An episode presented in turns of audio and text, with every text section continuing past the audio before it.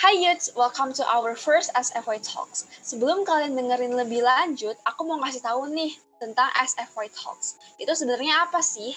So, SFY adalah singkatan dari Space for Youth, di mana sebuah organisasi yang fokus pada isu-isu sosial dan juga kesehatan mental di dunia yang relevan dengan kehidupan remaja.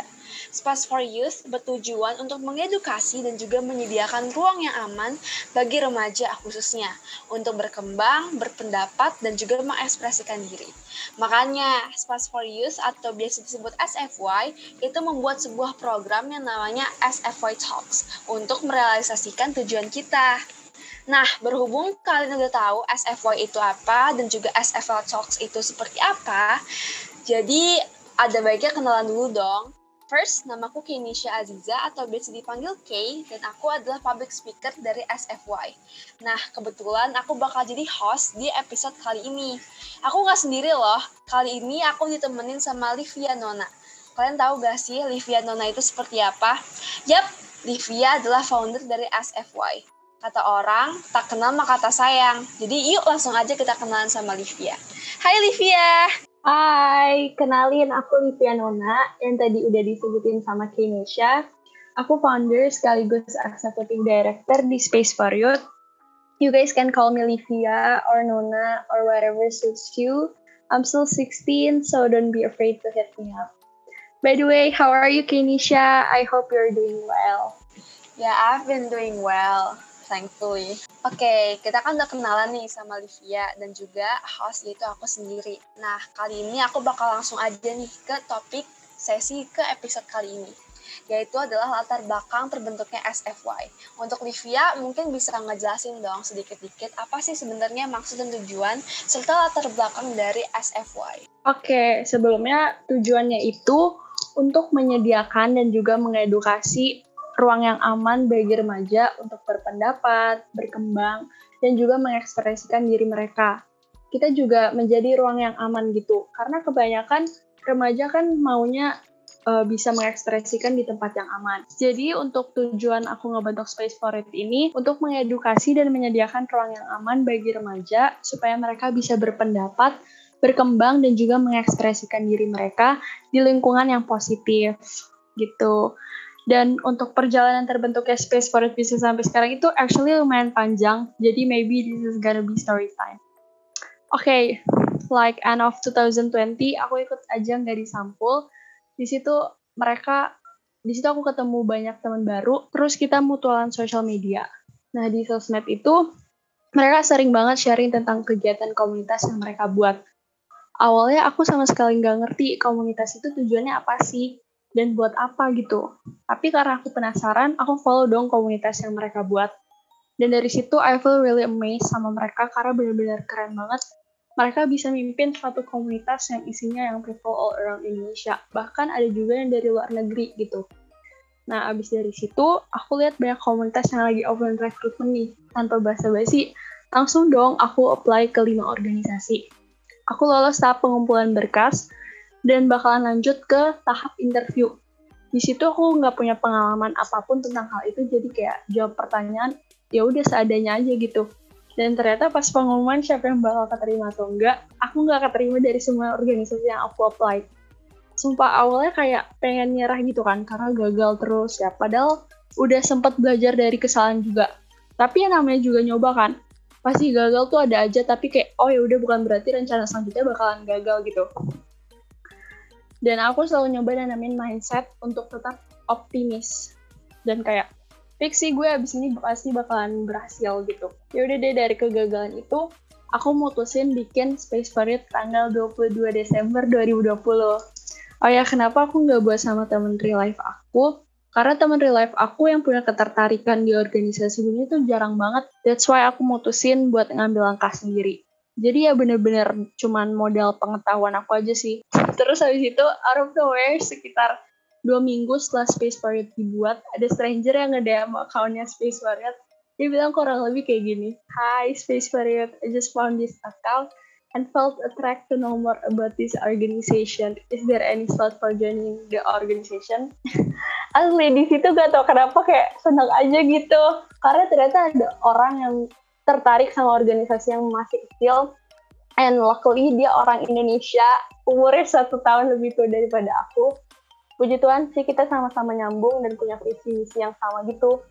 Dan juga setelah udah sering ngobrol jadinya I believe in her. Jadi aku rekrut dia as a co-founder. Jadi kayak ketemu online terus belum ketemu sekali kita bisa ngejalanin ini bareng-bareng jadi shout out to Laura if you hear this I'm so grateful to have you bro terus kita juga sering discuss buat open recruitment pertama kali di bulan Februari terus April juga kita open recruitment lagi dan sampai sekarang timnya udah ada 47 orang. Yay! I think it's enough story time-nya. Dan kita buat story time part 2 ya nggak sih? gak deh. Wow, ternyata latar belakang SFY menarik banget gak sih? Dan juga maksud dan tujuan dari SFY itu kece sih menurutku. Jadi buat kalian yang mau menjadi bagian dari kita, langsung aja gas kalau misalnya ada open recruitment lagi. Oke, okay, next kegiatan apa sih yang dilakuin sama Livia selain menjadi founder dari SFY? Kesibukan aku sekarang selain Space Forest udah pasti online school ya. Terus aku juga ikut OSIS di sekolahku dan menurutku uh, karena sekarang dilakukan secara online jadi lebih susah banget buat eventnya dibanding offline. Karena ide untuk acara online tuh nggak sebebas acara offline kan. Apalagi kalau anak-anak yang lain juga gampang bosen atau player laptop doang. Jadi kayak uh, hektik gitu sih buat osis tapi nggak apa-apa sih uh, aku grateful juga karena mereka ngepercayain aku buat jadi wakil ketua osisnya gitu deh Hmm, oke okay, oke. Okay. Kan kalau misalnya ngurus kegiatan atau program kerja OSIS secara online school itu pasti lebih susah lah ya daripada kegiatan offline di mana kita bisa interaksi secara langsung. Nah, banyak banget nih perbedaan dan juga kendalanya mungkin kita uh, jumpai di kegiatan online school, sedangkan di offline school tuh nggak ada. Nah, untuk Live itu sendiri, lebih prefer online school or offline school? Jujur, aku anaknya ekstrovert parah, jadinya udah pasti prefer online school dong. Tapi semenjak online school ini nggak tahu kenapa kayaknya aku bisa jadi orang introvert juga deh. Jadi kayak bener-bener kadang bisa pengen sendirian aja gitu. Dan perbedaannya antara online dan offline school itu signifikan banget. Waktu offline school meskipun bangun pagi pulang sore tapi nggak tahu kenapa bawanya selalu semangat karena bisa sosialisasi sama orang lain gitu. Tapi waktu online class ini kayak cuman bangun tidur duduk buka laptop udah gitu doang. Dan lebih banyak struggle ya sih kadang materi aja susah banget masuk otak karena aku sering ke distract sama hal lain gitu loh. Kayak misalnya jadi ujung-ujungnya main sosmed. Tapi ini sebenarnya hal nggak baik sih jadi jangan ditiru. Dan faktor lain itu kayak natap layar laptop kelamaan bikin pusing dan sakit mata juga nggak sih? Terus masalah internet either wifi or kuota bikin tambah pusing lagi. Apalagi online school sekarang lebih fokus kan dikasih tugas atau bikin project gitu ya dan kalau materi dasar aja nggak ngerti gimana mau nugas Nah, bener banget gak sih? Bener nih, aku tuh punya ya kepengalaman dia harus 24 jam tuh harus ya tetap layar laptop gitu ngerjain tugas, ulangan dan lain sebagainya. Pastinya bakal bosan banget gak, gak sih Liv? Iya bener banget kan kita nggak bisa sosialisasi sama orang ya. Jadi kayak bener-bener kangen life before covid gitu. Nah bener banget. Terus apa sih perbedaan signifikan antara online school dan juga offline school yang dirasakan oleh Livia? Kalau offline kan bangun pagi, pulang sore.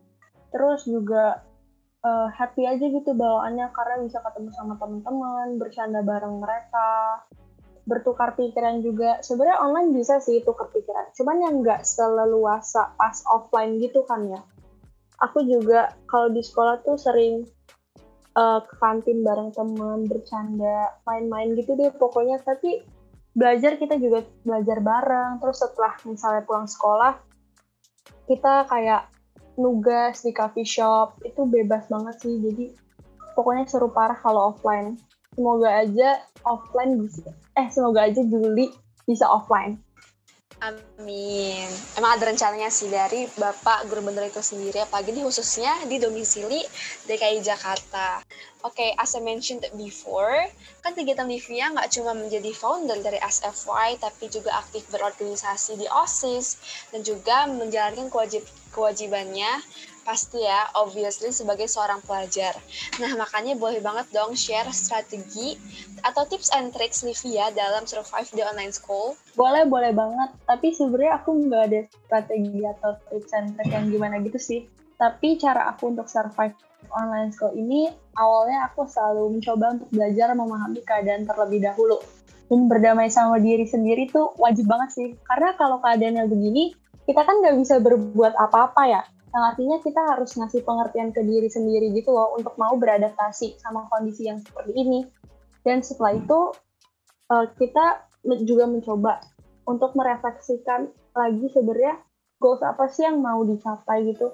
Karena kalau emang benar-benar goals itu mau tercapai, ya berarti kita harus push diri kita sendiri untuk kasih yang maksimal dan terbaik meskipun it's really hard to do. Tapi ya no pain no gain gak sih? Jadi ya udah deal with it, give our best and let's get the rest. Bener, aku setuju banget sih.